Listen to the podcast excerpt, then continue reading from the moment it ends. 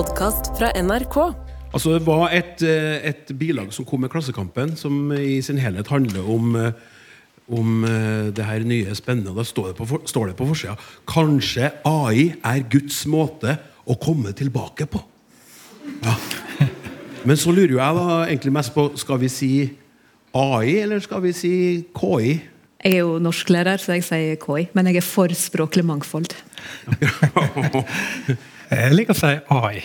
Ja, Jeg liker KI. ja akkurat. Eh, så hvis jeg da sier at eh, jeg sier AI, jeg òg, så er vi 2-2. Da, da kan, kan ikke vi da si AI? Kunstig intelligens. Avtale? Ok.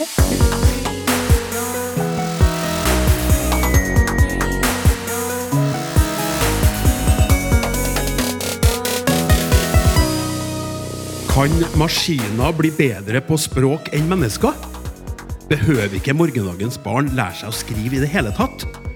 Forstår en chatbot noe som helst? Og kan kunstig intelligens være begynnelsen på slutten for det norske språket?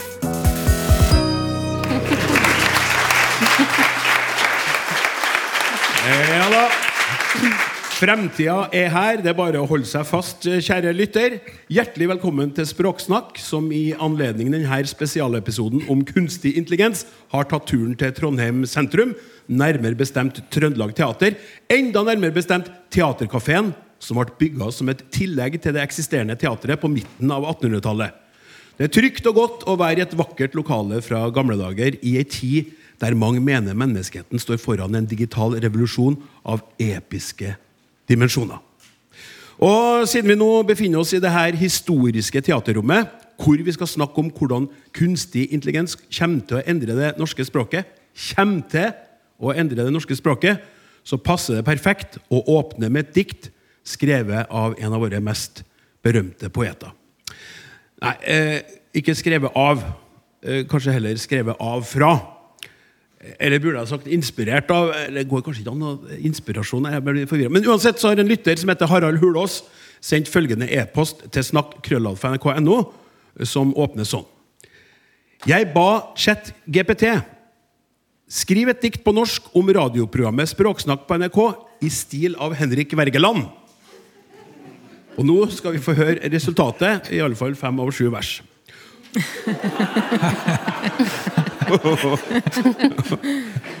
O språksnakk, din talekunsts glød, du klinger ut fra NRK sitt skjød.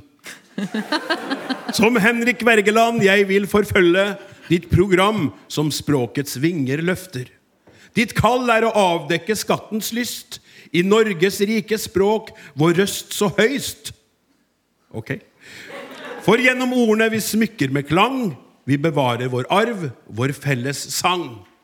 Du leker med ordene, form og rim. I ditt program finner språket sin hymn. Med glimt i øyet, en skråsikker stemme. Du vekker oss opp, språket ditt emblem. Du minner oss om vår historie stolt, om skaperne som før oss språket tømte. Med diktere og forfattere av gull, som Wergeland, som gav vårt språk sin drømte. Så, Språksnakk, fortsett din ærefulle ferd på NRKs kanaler med lidenskap og verdi. Vi lytter til deg med lengsel og glede, for i ditt program får språket vårt fred. Amen. Ja. Jeg syns, eh, jeg syns ikke vi skal avskrive eh, Henrik Wergeland helt ennå. La oss heller ønske velkommen til våre tre eksperter eh, fra Universitetet i Oslo. Språkforsker Ea. Hun er knytta til Institutt for filosofi, idé og kunsthistorie og klassiske språk og Institutt for lingvistikk og nordiske studier. Og hun heter Ingrid Lossius Falkum!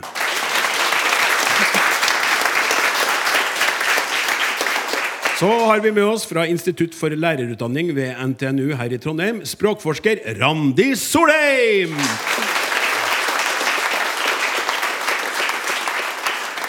Og så har vi med oss en direktør, jeg tror det er for første gang i programmets historie.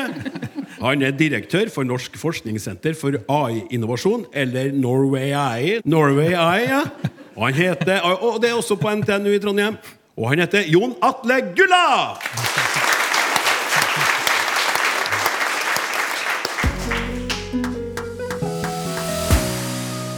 Ja, Vi må bare gå i gang, for nå brukte jeg så lang tid på Radbrekk Wergeland at vi må begynne med det som er dagens eh, tema.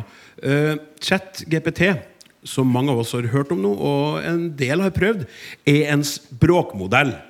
Men Ingrid, hva er egentlig en språkmodell?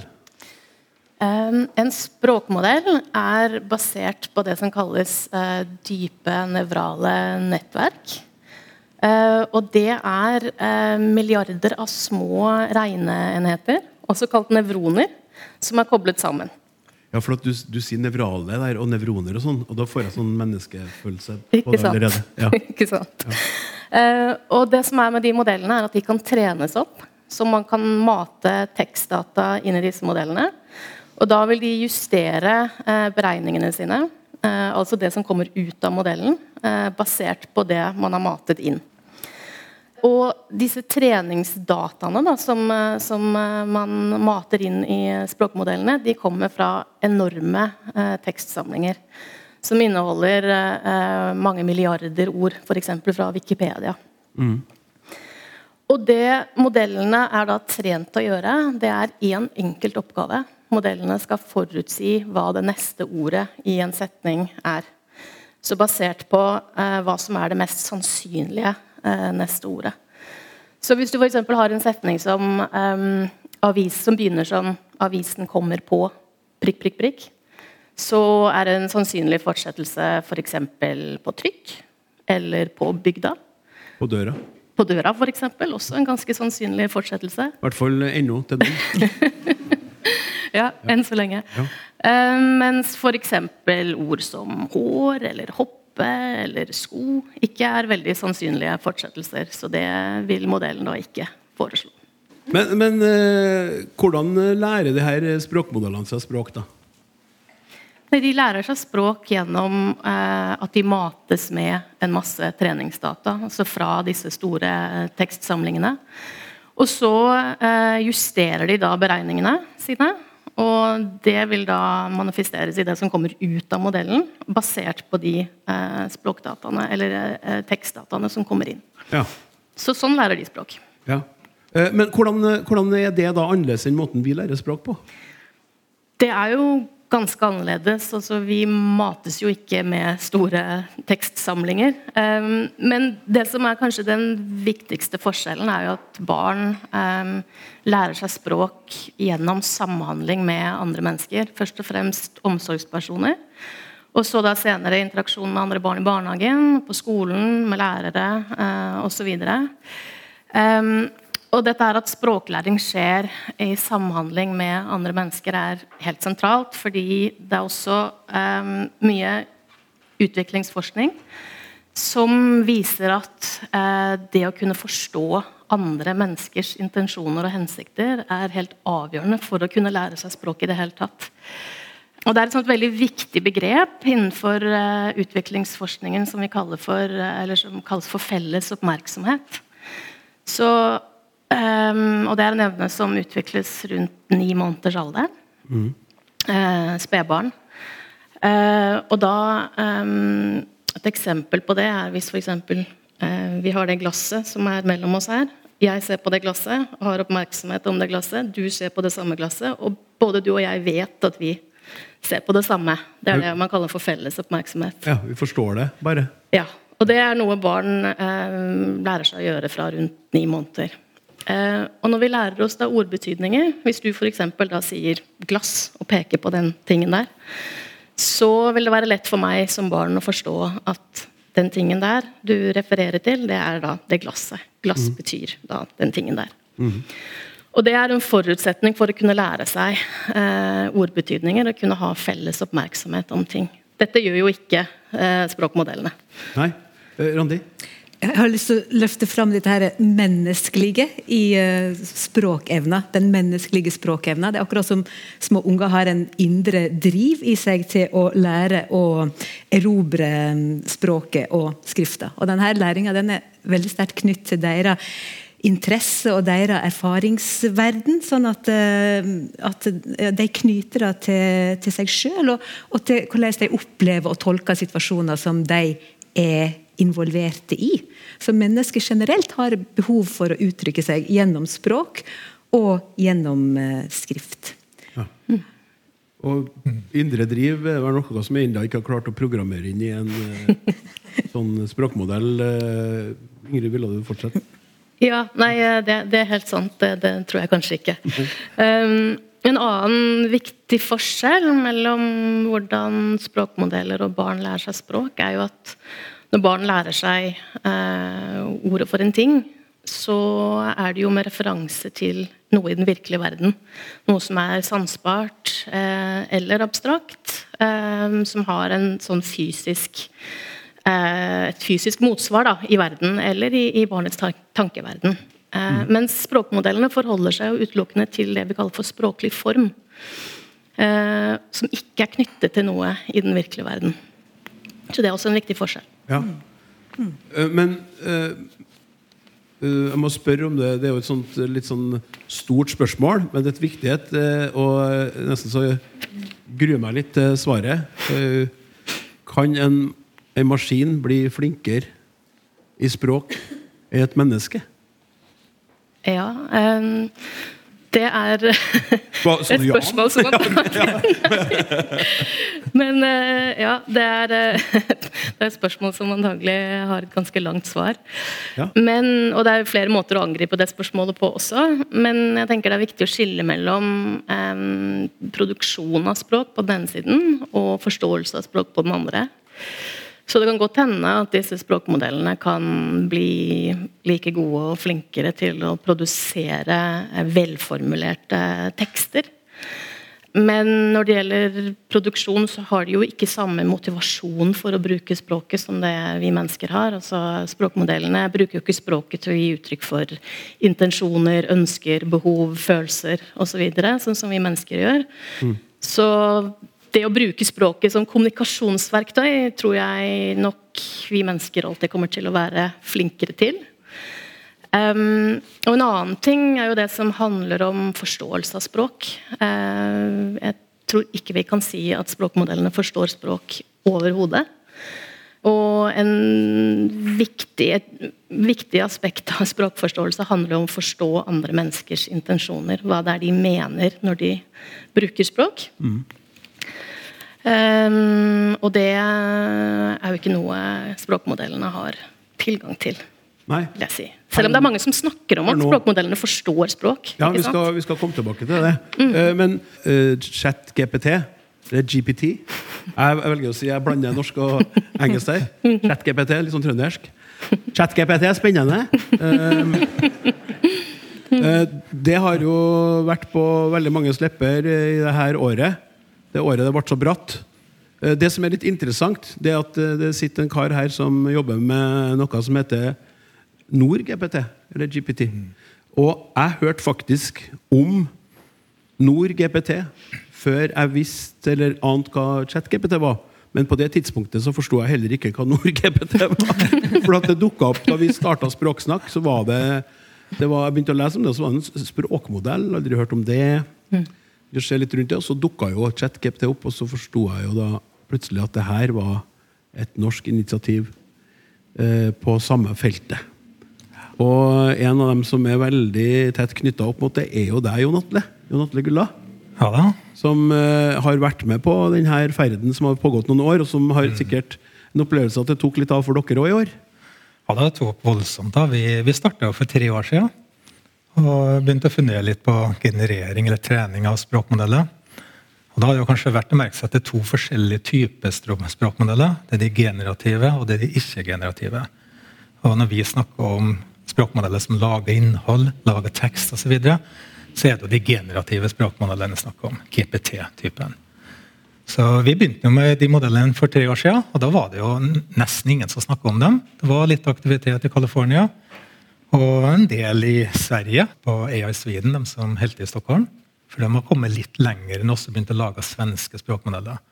Og så var vi over til Stockholm og kikka litt på dem. og ble egentlig fantastisk overraska over at den svenske språkmodellen kunne lage norsk tekst. Ja. For de har jo da laget et ganske stort datasett på svensk. Og så har de lagt inn litt norsk og litt dansk, bare for å teste litt. Og det viser seg at siden de språkene er så beslekta, og når du trener opp en modell som lager abstraksjoner av språket, så fikk du også ganske god norsk tekst ut av det svenske datasettet. Og det var veldig artig. Da, Ja, eh, enig. Nå, nå når du er inne, inne, på gang med det, kan ikke du si oss noe eh, Hva er greia med Nord GPT eller Nord GPT? Hva, hva er, bare for ta, ta det grunnleggende for oss. Jeg kan ta og gjøre det. Så I NordGPT så er det tanken å lage en stor nasjonal foundation model for generative språkmodeller. Og Det betyr at det skal bli en svær, stor modell som kan tilpasses ulike formål i ulike bedrifter og ulike eh, sektorer. Og For å gjøre det så trenger du egentlig tre ting. Kompetanse, du trenger data, og du trenger regnekraft. Og alt det der er komplisert. Eh, Vi snakka litt tidligere om hvorfor vi holder på med språkmodeller og AI. men Språkmodeller er noe av det aller mest kompliserte du kan lage innenfor kunstig intelligens i dag. Det er vanvittig svære modeller, og de krever ekstremt mye av de som jobber med det. Hvorfor? Fordi det er massive datasett. eh, Og de datasettene er ikke heller lett å forholde seg til. Det er veldig ulike format, ulike måter å bruke dem på. Det er ulike arkitekturer når du begynner å lage modellene. Og det er nesten umulig å evaluere og vurdere kvaliteten på en generativ modell. Ja, for Når du sier datasett, hva, hva mener du i den sammenhengen her, da? Datasett er tekstløse datasamlinger. Ja. Så når vi setter i gang for tre år siden, så snakka vi med Skipsted og Nasjonalbiblioteket og flere andre for å bygge et stort datasett. Og Vi endte opp med noe som var ca. 200 giga, 18,5 milliarder ordforekomster, som vi da skulle pøse inn i den modellen der. Og så har vi da gradvis lært oss hvordan det her skjer. Altså Vi starta med en ganske liten modell på det vi kaller 300 millioner parameter. Det er fortsatt svært. Svære, store modeller. Og så har vi gått opp på 3 milliarder parameter. Nå er vi på 23 milliarder parameter. Og til våren så skal vi ha 40 milliarder parameter i en sånn modell. Og da er vi veldig mye større enn noe annet som er laga i Norge. Det, det skal, skal vi klappe for det? Hva, hva,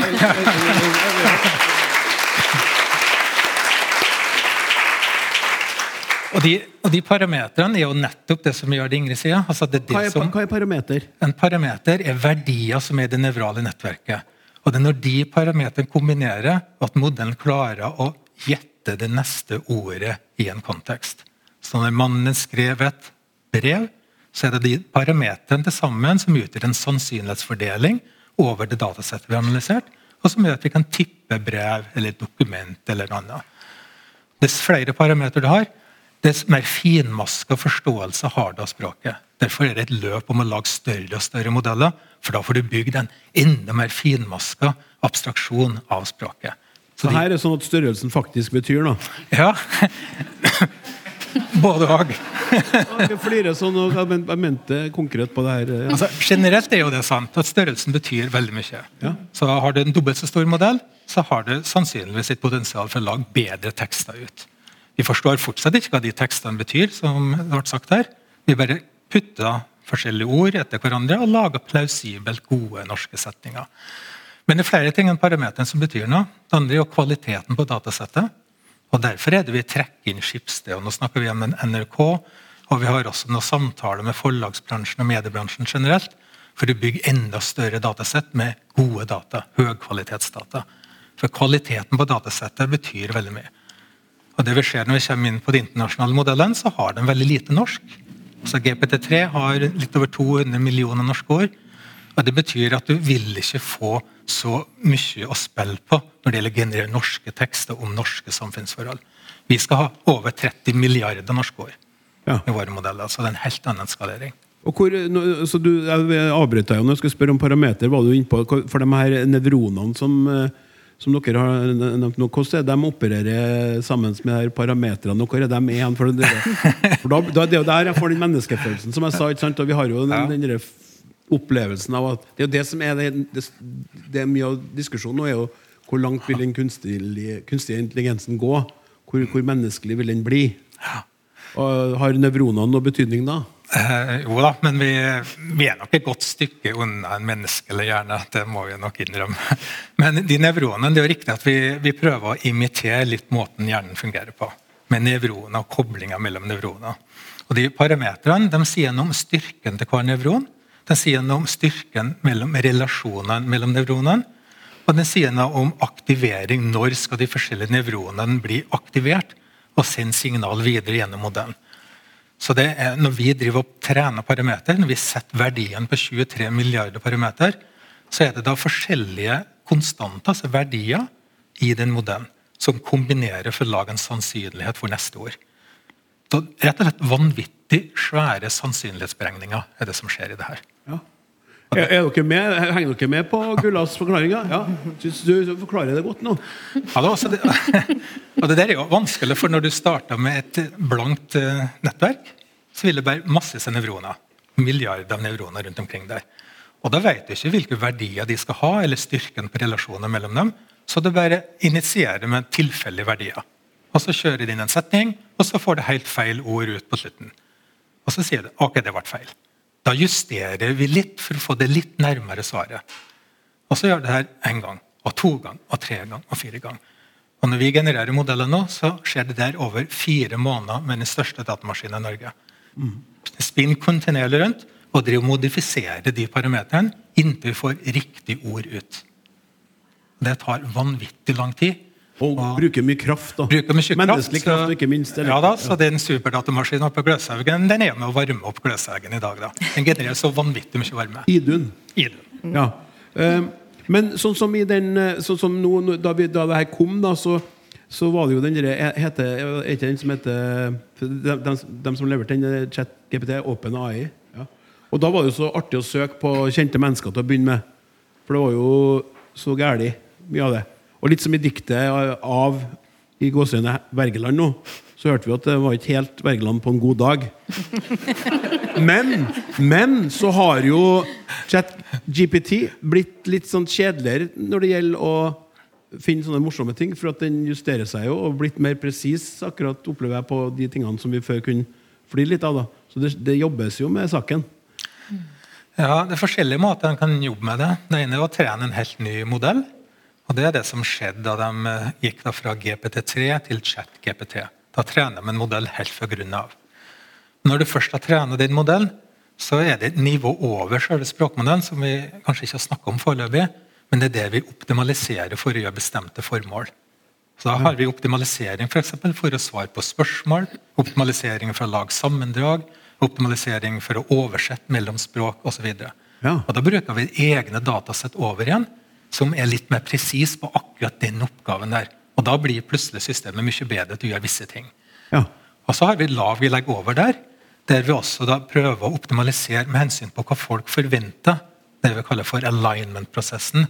Der vi innretter modellen slik at den ikke bare genererer tekst ut fra sannsynlighetsverdier, men ut ifra hva folk faktisk foretrekker og vil ha. Og Da er det massevis av folk som er inn og være med på å trene modellen videre. Så laget over der er ekstremt viktig før modellen blir bra. Ja, for Det kan ikke være den superavanserte modellen de bruker på Netflix når de anbefaler hva jeg vil ha. Av, fordi du har sett på det, det er katastrofe, så de må, de må, gå til dere og få hjelp. Men, eh, men, så må vi spørre om en ting her som er viktig. og det er jo, Vi snakker om det norske språket, men hvordan er det når det gjelder eh, bokmål skråstrek nynorsk her? Og også samisk. Hvordan, hvordan opererer ja. Nord, NordGPT. Ja, Vi sier NordGPT. Nord, ja, vi, vi, gjør det, ja? ja? ja takk. takk. NordGPT. Ja. Hvordan, hvordan, er den der? Nei, den, den, er jo litt interessant, da, for eh, det viser seg at det meste vi har av norske data, det er jo på bokmål. Og Det er jo sånn det ofte er når du tar det fra Skipsted-systemet. Det er veldig lite nynorske nyhetsartikler. Men eh, faktisk så fungerer det ganske bra både på bokmål og nynorsk i dag. Fordi når du lærer forståelsen av bokmål, så drar du nytte av de abstraksjonene der når du genererer nynorsk tekst også. Så hvis vi tester vår modell i dag og skriver inn en setning på bokmål, så får vi bokmålstekst ut. Skriver inn samme setninga på nynorsk, så får vi faktisk teksten ut på nynorsk også. Ja. Så Den klarer å skille mellom de to språka, og nynorsken drar nytte av bokmålsdelen. Men samisk. Klarer vi ikke å håndtere. For samisk er så fundamentalt forskjellig fra bokmål og nynorsk at de abstraksjonene vi lærer av de to språkene der, vil ikke ha særlig stor verdi for uh, generering av samisk tekst. Nei. Så der sitter vi fast. rett og slett. Ja.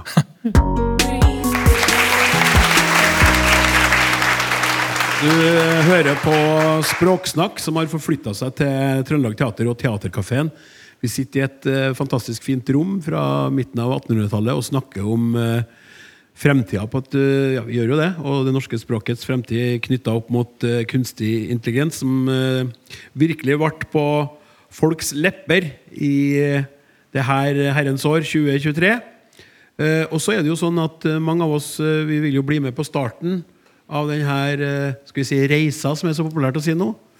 Mens andre vil kanskje vok- vokse inn i det og, og få det som en del av sitt voksne liv fullstendig. Førstegenerasjonsfolket, de dem som er i skolen, barna våre. Um, eh, Randi, du er jo forsker på det feltet.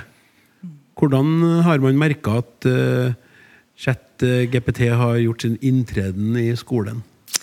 Ja, vi vet ikke veldig mye enda som er basert på forskning og systematisk eh, kunnskapsinnhenting. Jeg tror vi må prøve å få tak i litt av regjeringa sin forskningsmilliard til utdanningsforskning. Um, jeg tror kanskje ikke det helt har gått opp for oss enda for ei enorm eh, teknologisk kraft det her er. Det er ikke en ny app eller en ny uh, duppeditt. Det er noe som virkelig har potensial til å forandre skolehverdagen på, på godt og vondt. Um, men vi vet at mange skoler prøver seg fram, og at veldig mye spennende utviklingsarbeid er på gang. Og så er det mange som er bekymra. Diskusjonene går høylytt. og jeg har fått spørsmål noen ganger trenger vi i det hele tatt lære oss å skrive når vi har fått kunstig intelligens. Eh, Trenger vi norsklærere og skriveforskere? Eh, Jeg hadde en undersøking som, eh, som mente at hvert fjerde, hver fjerde arbeidstaker kunne komme til å bli overflødig pga. KI. Jeg tror neppe at norsklærere er blant dem. Sa du tror nå, sa du håper? Jeg er helt sikker, faktisk. Jeg er helt sikker fordi at eh, skriving og lesing eh, de bidrar til videreutvikling av den språkevna som vi snakka om eh, tidligere her, og til intellektuell utvikling, rett og slett. En blir smartere av å skrive og lese.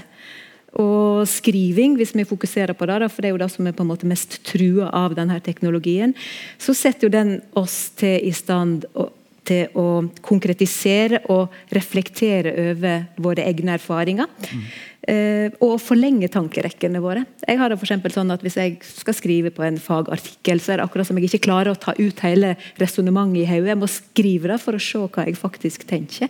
Og Det er en sånn fin, enkel illustrasjon på hvordan skriving bidrar i kunnskapsutvikling. da. Altså du, bruker, du mater ikke inn i ChatGPT og sier skriv en artikkel om Nei. Ja. Old school. Ja.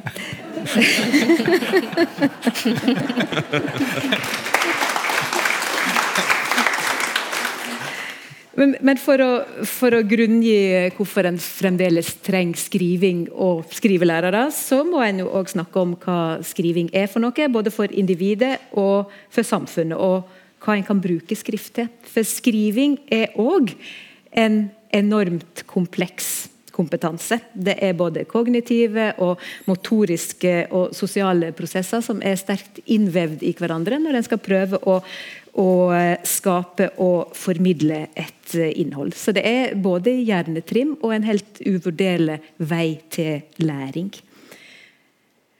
Og så er det et, et annet perspektiv som, som, er relevant i vår diskusjon her. nå, Siden vi snakker om at, eh, at denne norske modellen bygger på norske tekster og på norsk skriftkultur, kan vi kanskje si. fordi at eh, skrift og tekst er jo òg lagringsplasser for eh, kultur og historie.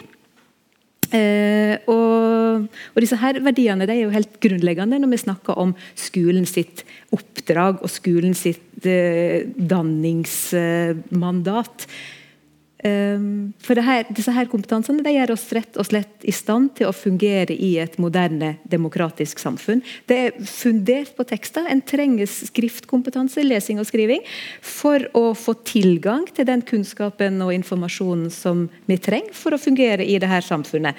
Og så får vi òg opplevelsen av å fungere i en fellesskap og i en kultur. Være en del av noe. Ja, altså Det er jo helt nydelig sagt. Jeg syns du fortjener en applaus for uh, det du sier. Så, uh, så, må jeg jo da likevel som uh, debattleder Men uh, fordi denne utviklinga går jo sin gang uansett. Mm. Og vi vet at altså vi, har, vi, vi, har, jo diskutert i, flere ganger i Språksnakk engelsk påvirkning ikke sant, på, på, oss alle, og ikke minst på unger. Les, lesinga går ned. Det er mer og mer skjermbruk. Eh, Hvordan kan man, eh, tenker du, bruke for, fordi det er jo i skolene i dag allerede. ChatGPT. Hvordan kan man bruke eh, AI KI til positive ting i opplæringa, tenker du ut ifra Jeg vet at det er gjort lite forskning på det, og sånn, men Men vi ser mange muligheter. Mm? Vi ser mange muligheter. Ja.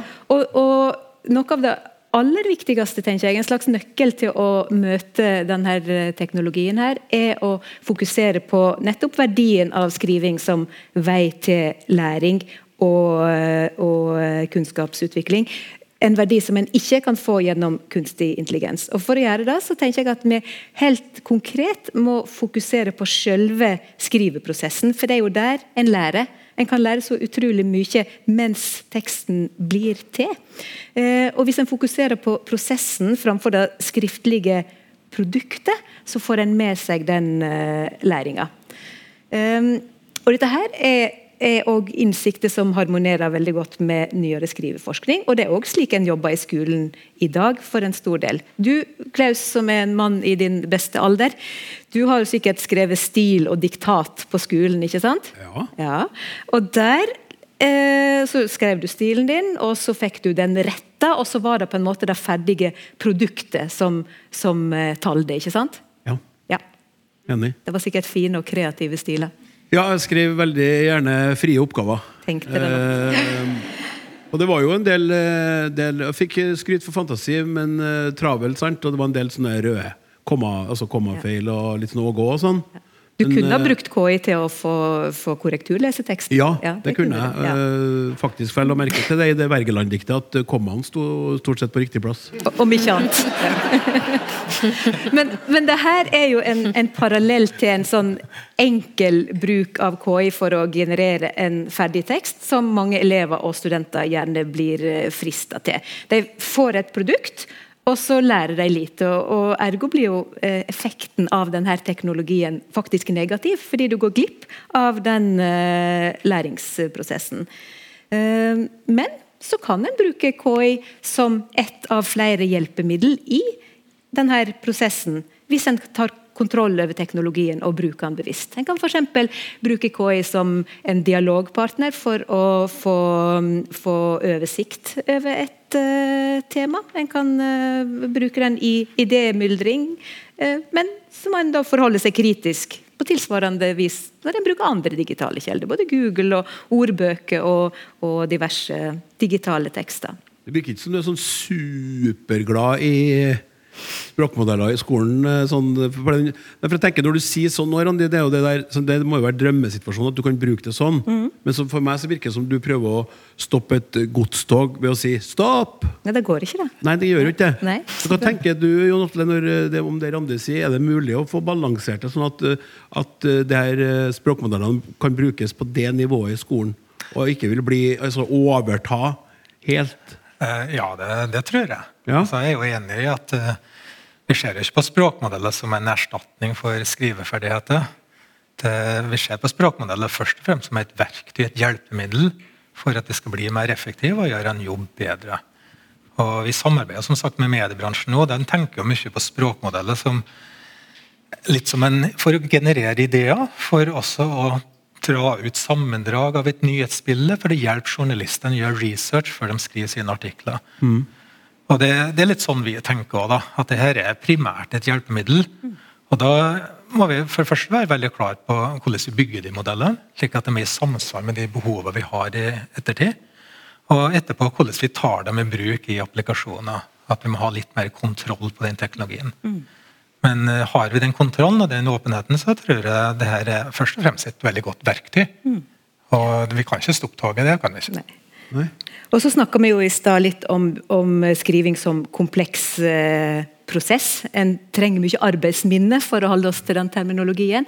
Så kan en også tenke seg at en kan bruke KI for å, for å avlaste det arbeidsminnet. En kan bruke det til, til reformulering og omsetting og referanseliste og alt det kjedelige arbeidet. Og så kan en frigjøre kapasitet til å tenke over hvordan en skal velge ut innhold, og hvordan en skal strukturere det, og hvordan en kan formulere det på, på nye måter. Sånn at en tar plass som skriver. Jeg godt På, på videregående og Ja. på universitetet. si. Det, der, det var musikk i mine ører. Ja. Nå snakker vi. Ja, ja, ja. Og så finnes det mye spennende arbeid som, som er gjort. Jeg har lyst til å nevne ett eh, konkret prosjekt eh, fra Rogaland. Randabergskolen. De har laga ei tilpassa elevvennlig KI-plattform, der elevene kan velge ulike spor eller arbeidsrom. De kan f.eks. gå i dialog med selveste Sokrates. De kan få forslag til forbedring av tekstene sine, eller de kan bare utforske og leke med teknologien på trygge plattformer, der data deres ikke blir brukt videre. Da. Så det er, det er spennende. Målet må jo være her å ikke stivne i frykt og, og rett og slett tenke hvordan skal det her gå hvis eh, det tar over fullstendig, men ta grep om det og gå inn i det. Og jobbe med det på en konstruktiv måte. Mm. Men merk at en må kunne ganske mye omskriving for å kunne bruke de her redskapene på en konstruktiv måte. En må jo vite noe om skriveprosessene og de ulike leddene og de ulike nivåene av språket som en må forholde seg til mens en skriver. Ja. Så det er ikke noe Lær meg litt Snarvei. om de ulike skriveprosessene. De ulike skriveprosessene kan være krevende å sette seg inn i. Right back at ya! Nei da. Nei da. Nei da.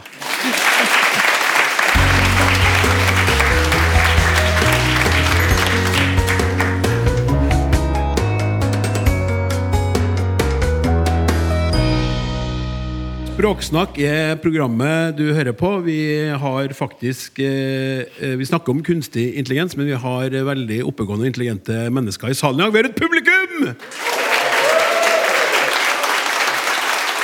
Det føles veldig veldig godt akkurat eh, når vi tar for oss dette temaet. Sendinga er jo litt annerledes. Vi har, vi har via hele timen til dette svære temaet. Og en av de tingene som er litt uh, artig, er jo uh, når man er borti en sånn chatbot på et sånt For eksempel, jeg liker å, å være inne på sånne steder som selger elektronikk og sånn. Jeg har en sånn henger på støvsugere og, og, og, og vaskemaskiner. Selv om jeg har både støvsuger og vaskemaskin, så liker jeg å se på. Nå lurer jeg på å kjøpe meg en sånn håndholdt støvsuger som jeg ikke har bruk for. Trådløs en. Eh, og så går jeg inn, og der kommer det opp en sånn.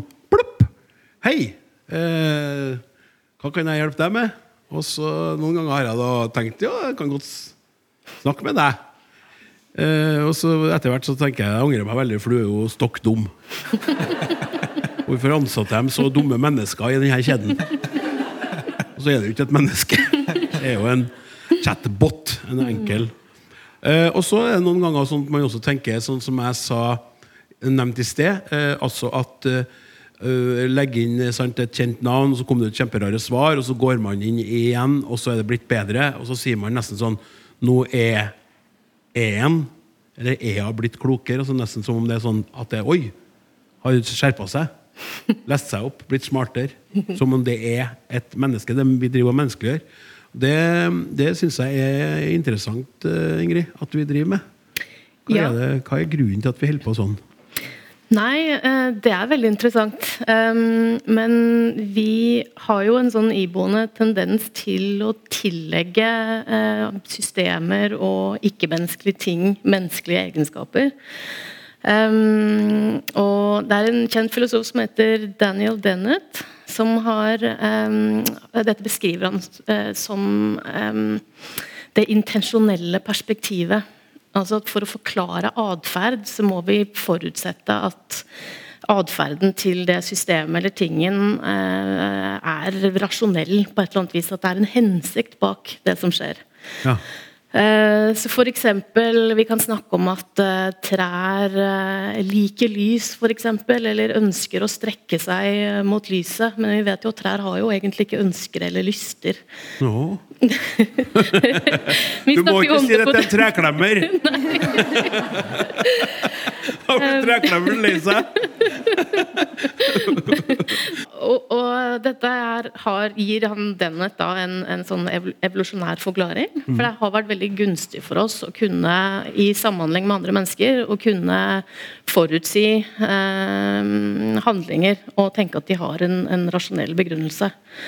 Uh, og dette kommer jo til uttrykk da i at vi uh, menneskeliggjør uh, språkmodellene og chat-GPT når vi samhandler med den. Så vi har en tendens til å tenke at det er noen der. Det er liksom noen inni der når vi snakker med den. Ja, ja, for det er jo den der, altså Du får jo tekst tilbake som du leser. Det er jo sånn, du, du, hører jo en stemme i hodet ditt. Du kan sikkert, du kan sikkert sette på tekst. Det er noe med denne kommunikasjonen. da. -hmm. Du ber om noe, du får noe tilbake. Du får et svar.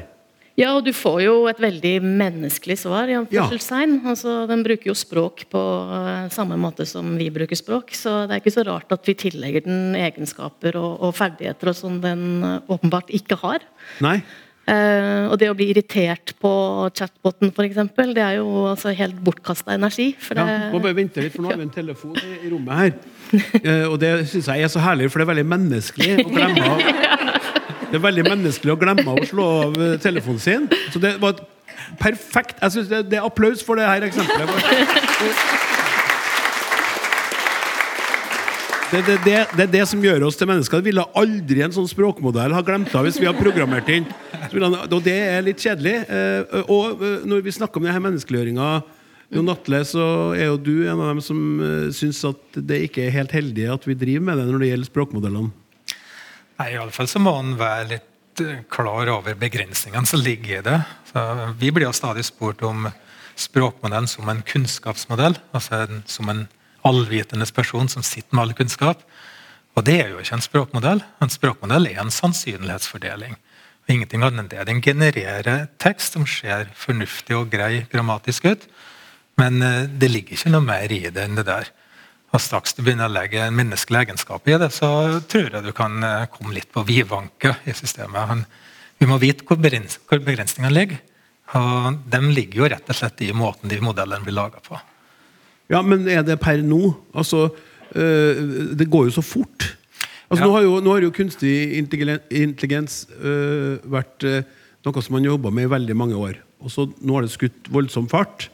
Og så har det kanskje vært litt sånn på noen felt litt annerledes enn vi trodde. Litt, sånn, litt mindre altså Det har roa seg litt, mens andre, andre er jo en dypt bekymra. Til og med Mr. Musk ytrer jo bekymring for deg, samtidig som han driver og lager en robot som han prøver å gjøre mer og mer menneskelig.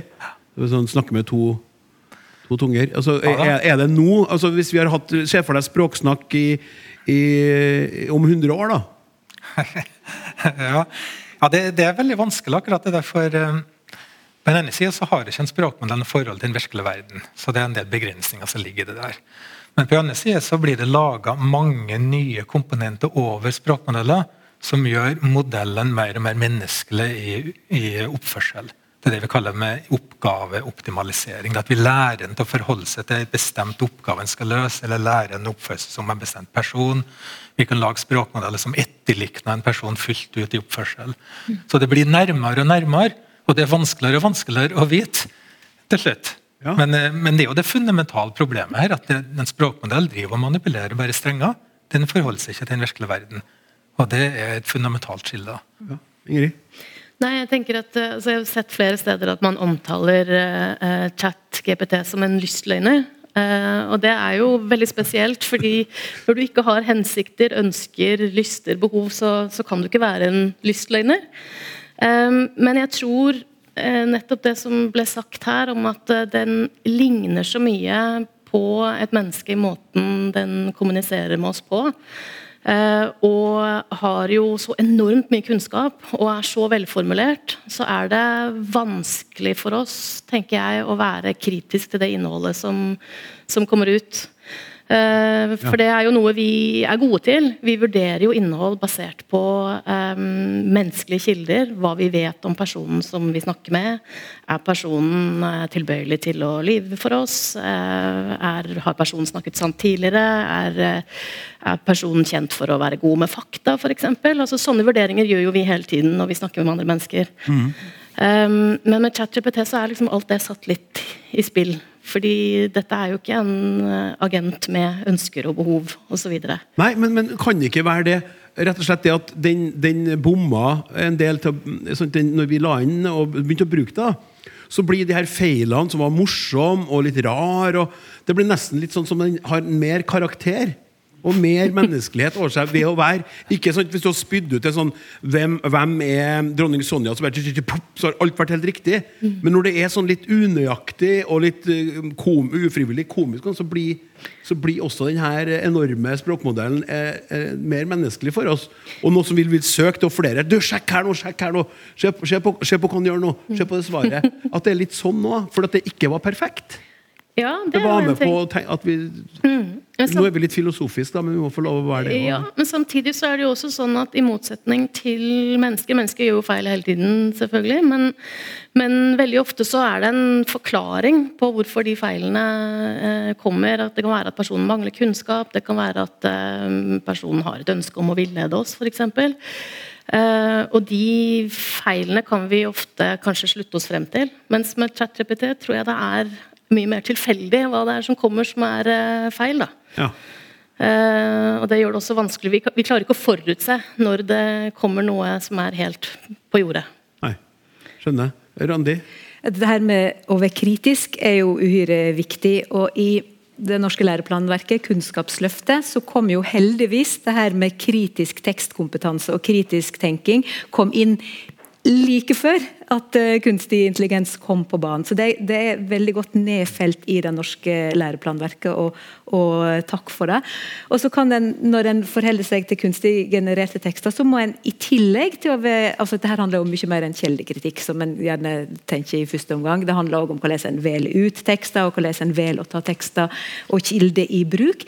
Men, men, vi må utvide denne her eh, kritiske kompetansen til å omfatte kunnskap om hva den kunstige intelligensen kan gjøre gjøre, og hva den, den ikke kan gjøre. Ja. Eh, vi må vite at det ikke er medmennesker vi kommuniserer med, men eh, mekaniske papegøyer som, som, etterligner menneskelige ytringer, men som har en enorm arbeidskapasitet. Det skal de ha. Så, så dette her eh, ja, det blir en utrolig viktig del av den, den, den kritiske kompetansen som elevene skal oppøve seg da, i skolen. Gjennom å jobbe med språk og tekst. og kunnskap fra alle fag.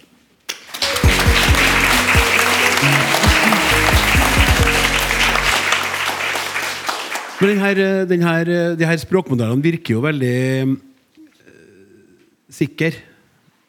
Altså, Når vi tar bort de her feilskjærene og de her morsomme, så virker det veldig sånn hvor, hvor, lett er det å være kritisk til noe som bare Du, du legger inn et spørsmål, eller en, du spør om noe eller ber om noe, så bare Det går så fort da. Så kommer det sånn tjom, Der er det. Altså, det er jo flere aspekter der. Det er, jo, det er sant, Den teksten kommer jo ut øyeblikkelig. Og den vil jo være grammatisk fin ofte. Den er velformulert.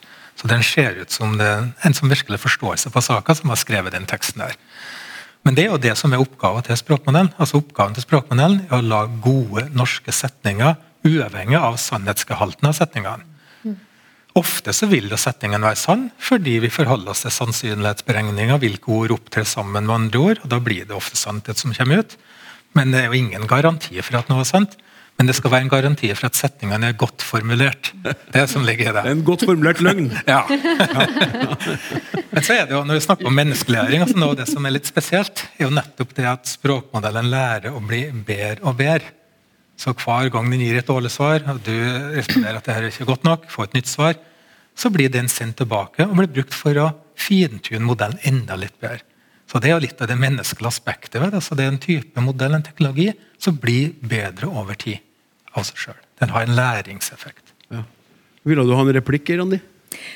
Uh, nei, jeg bare tenkte um, Når vi er kritiske til tekster som vi får eh, i utdanningssystemet, så vi, blir vi ofte litt mistenksom når vi får tekster som er formulert eh, på en eh, klar og, og, korrekt måte, men der innholdet egentlig er litt kjedelig og litt sånn eh, generelt, og du mangler den spesifikke fagkunnskapen som vi gjerne er ute etter når vi gir studenter og elever oppgave. Så da er det lett å bli mistenksom. Så det er jo lærermåten å være kritisk på, kan du si.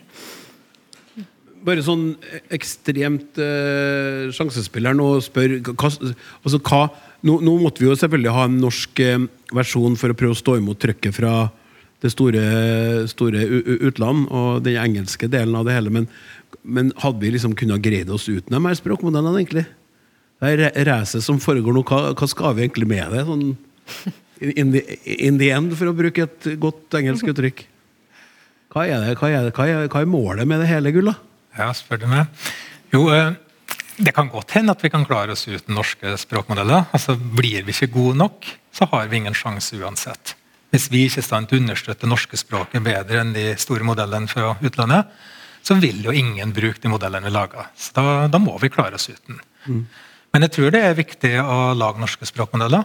Jeg tror det. Vi ser jo veldig lett at de store internasjonale modellene er ikke så gode på norsk som de er på engelsk.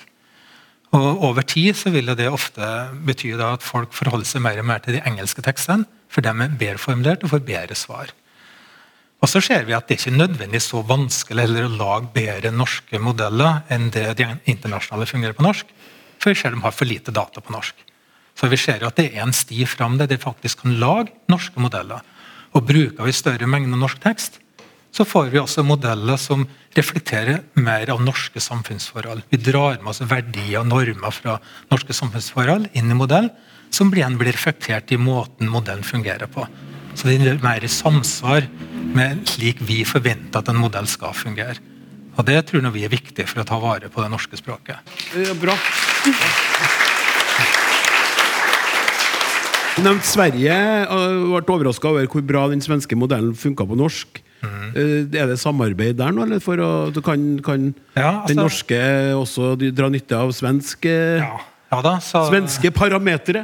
Det, det, er jo sånn, så den modellen vi har, så har vi 70% norsk, og så har vi 30 som er av dansk, svensk, av engelsk og tysk. Så vi trekker inn litt av andre språk. Men fordi at det er så ekstremt kostbart å bygge slike modeller, så ser vi hele tiden etter muligheter for samarbeid. Og Da er det nettopp samarbeid på tvers av beslekta språk som er en ganske interessant vei framover. Samarbeid tettere med Sverige, med Danmark osv.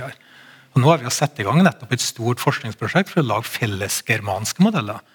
Og Da kan vi fordele kostnadene litt regnekraft. Vi kan fordele kostnadene og bygge datasett.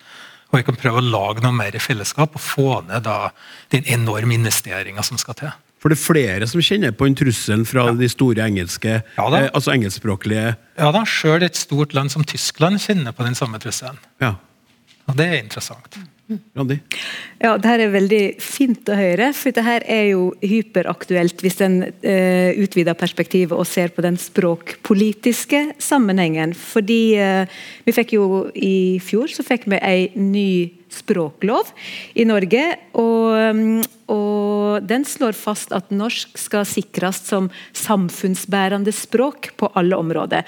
Og Det betyr at uh, norsk språk skal kunne brukes på alle arenaer. Både utdanning og næringsliv og politikk og kultur osv. Hvis vi da går til en engelsk uh, språkmodell og stiller den spørsmål og baserer våre tekster på de svarene vi får, så vil du få tekster som ikke er forankra i disse her uh, historiske og kulturelle lagringsplassene som det norske språket representerer. Så Derfor så er det så utrolig viktig at vi får en norsk modell.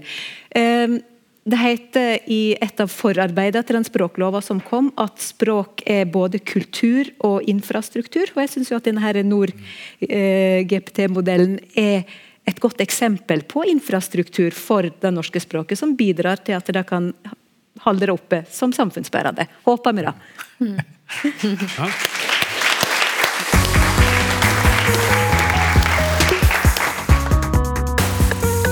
Men uh, hvordan kan uh, språkmodellene true språket?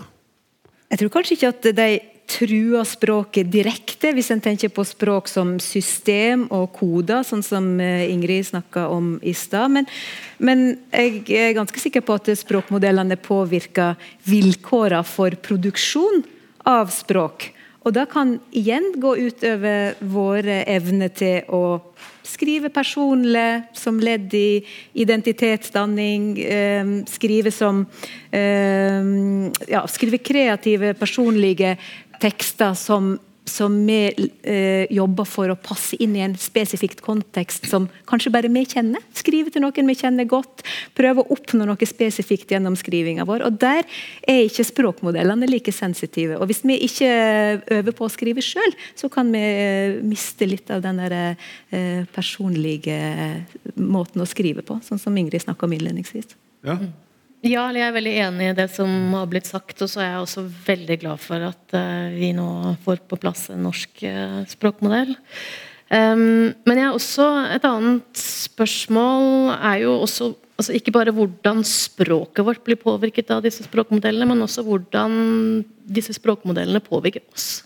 Mm. Og Det tenker jeg er et, uh, et viktig spørsmål. altså gjør, gjør det noe med oss at en stadig større andel av den kommunikasjonen eh, vår foregår med disse agentene uten intensjoner og følelser og behov osv.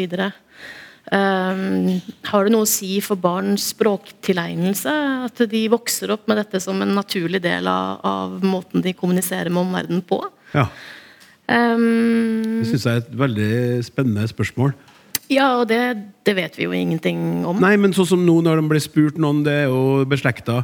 Uh, har det noe å si for deg hvis uh, musikken er kunstig laga? At den er laga av en kunstig intelligens, pop poplåten du hører på. Mm. Ve veldig mange, spesielt unge, som svarte over 50 ja, som svarte at det, det, det spilte egentlig ingen rolle. Nei, Nei ikke sant. Uh, det, henger jo, det, henger jo, litt sammen med det her, det. Ja, det gjør det. Det gjør det. Men er det sånn at de vil justere språkbruken sin fordi de er veldig vant til å kommunisere med agenter som ikke har menneskelige egenskaper? Eller er det sånn som du sier med musikken, at ikke det spiller noen rolle? Det, det er åpne spørsmål, tenker jeg. Ja. Store, åpne, smått skumle spørsmål, ja. spør du meg. Eh, hva tenker du, Jon Atle, som er da som en slags, både som en sånn redningsmann.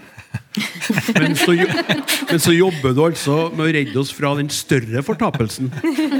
Og så skal være en slags uh, motstandskraft. Du, du, kommer med vår egen uh, versjon av noe som er omstridt. Ja, jo, jeg skjønner den. Den er vrien. Jeg ser nok ikke på språkmodellen som en trussel for det norske språket. sånn sett. Men altså, jeg er jo litt enig i det som blir sagt her. at en språkmodell trekker jo litt fram det gjennomsnittlige. Når du foreslår tekst, når du genererer tekst og svarer på spørsmål, så er det litt det vanlige, det gjennomsnittlige, som du ofte løfter fram i sånne tekster. Og Da kan du miste en del av det personlige uttrykket. så Vi kan alle tro at språkmodellen erstatter fullstendig den personlige skriveevna. Dit kommer vi ikke i uoverskridelig framtid. For vi løfter fram gjennom statistikken det gjennomsnittlige. Men så er det jo kanskje da en uheldig effekt av det også, at det kanskje skriver mer og mer likt over tid, ved at vi alle sammen får den samme språkstøtten og får da de samme forslagene fra språkmodellen. Og at det kanskje påvirker måten vi skriver på likevel over tid.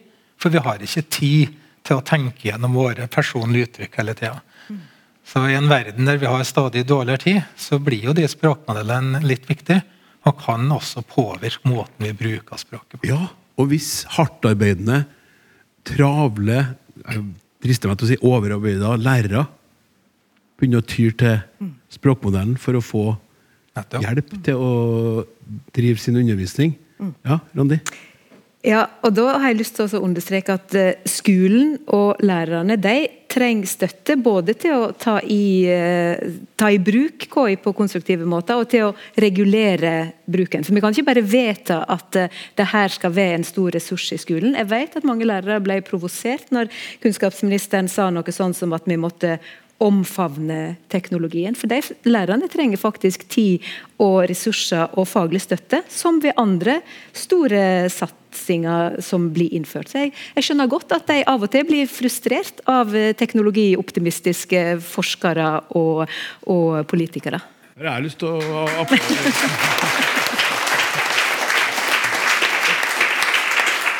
Men sånn eh, helt på tampen, da, kjære panel. eh, Foran det her fine publikummet i den her ærverdige, gamle teatersalen.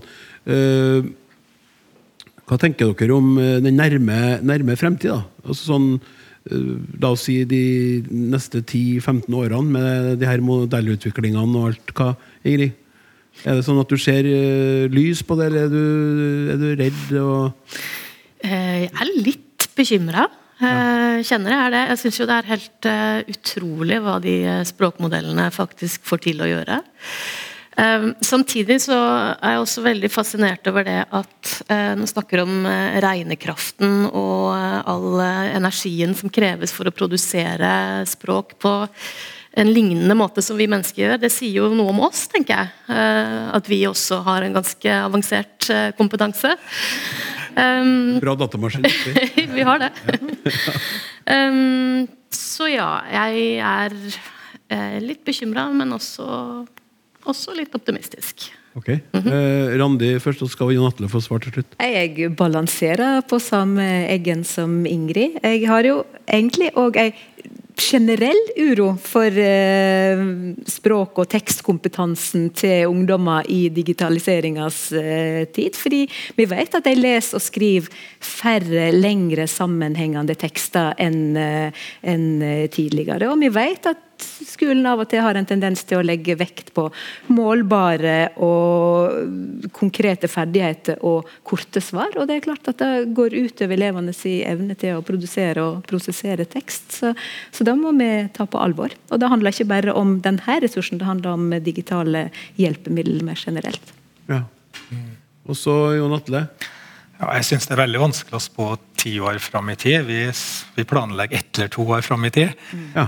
Men eh, nei, altså språkmodellen har jo kommet for å bli. Vi kommer ikke unna den. Og jeg tror den blir et nyttig og verdifullt bidrag for uh, gitt at vi bruker den på riktig måte. Men det er ikke sånn at vi bare kan anta at den erstatter oss eller erstatter mange av våre arbeidsoppgaver. Vi må bruke den på en kritisk, ordentlig måte. Og så er det noe sånn at Vi kan gjøre litt narr av de formuleringene vi får i dag. og vi sier at den teksten ser ikke så bra ut, og her var det en feil, det vi kaller en hallusinasjon. Men Hva, hva kalte vi det, Så? vi sier det er en hallusinasjon. Når- Hallusinasjon? Ja, Når den genererer en tekst som er direkte feil. ja. Men eh, det der vil jo bli bedre litt etter litt. Altså, det er en fantastisk kraftig utvikling på det her. Vi lager jo også teknologi for å detektere om tekst er automatisk generert. Vi prøver å gjøre det automatisk. da. Og det viser seg at det er veldig vanskelig. Selv i dag er det vanskelig, og det vil bli enda verre neste år. Året etter der, året etter der. Så vi står i en fare for at vi ender opp med et samfunn der vi kan ha vanvittig mye tekst innhold ut der, og vi har ingen mulighet til å sjekke om det faktisk er folk som har skrevet det, om det er reelt det som står der. Og det- da trenger vi prosess og regulering på Ja, det er jo hjelp. Er sånn, da, da kan du våkne opp en morgen og bare sånn Hva er det jeg har gjort?! Ja, det er litt det. Så vi ønsker jo egentlig en, et ordentlig regelverk også. Med kanskje vannmerking av automatisk genererte tekster, visse prosedyrer det følger, visse måter du da faktisk avslører at det her er generert med følgende datasett som basis osv. For Hvis ikke så ender vi fort i en verden der du ikke klarer å se forskjell på det som er riktig og feil, og det som er skrevet manuelt, og det som er automatisk generert. Ok. Så, så, så det er på et vis tre forsiktige optimister her, da, men det må stilles noen klare krav til de her modellene som uh, vi har eh, med å gjøre nå. Og det må reguleres og settes i system, for hvis ikke så kan det bære virkelig vilt av gårde. Det Er vi enige om? Ja. De nikker. Det er veldig sånn bra radio. Eh, også veldig menneskelig. Det var jo som den kjente filosofen sa, det er menneskelig å nikke. Eh, men eh, uansett, super innsats. Eh, det var det vi rakk i denne temautgaven av Språksnakk. Tusen takk til Ingrid Lossius Falkum, Randi Solheim og Jon Atle Gulla. Takk til dere som tok turen til Theatercaféen på Trøndelag Teater. Og selvfølgelig også en stor takk til deg som har hørt på oss nå. Tekniker var Martin Våge. Produsent Randi Lillealteren. Jeg heter Klaus Sonstad. Vi snakkes! Du har hørt en podkast fra NRK. Hør alle episodene kun i appen NRK Radio.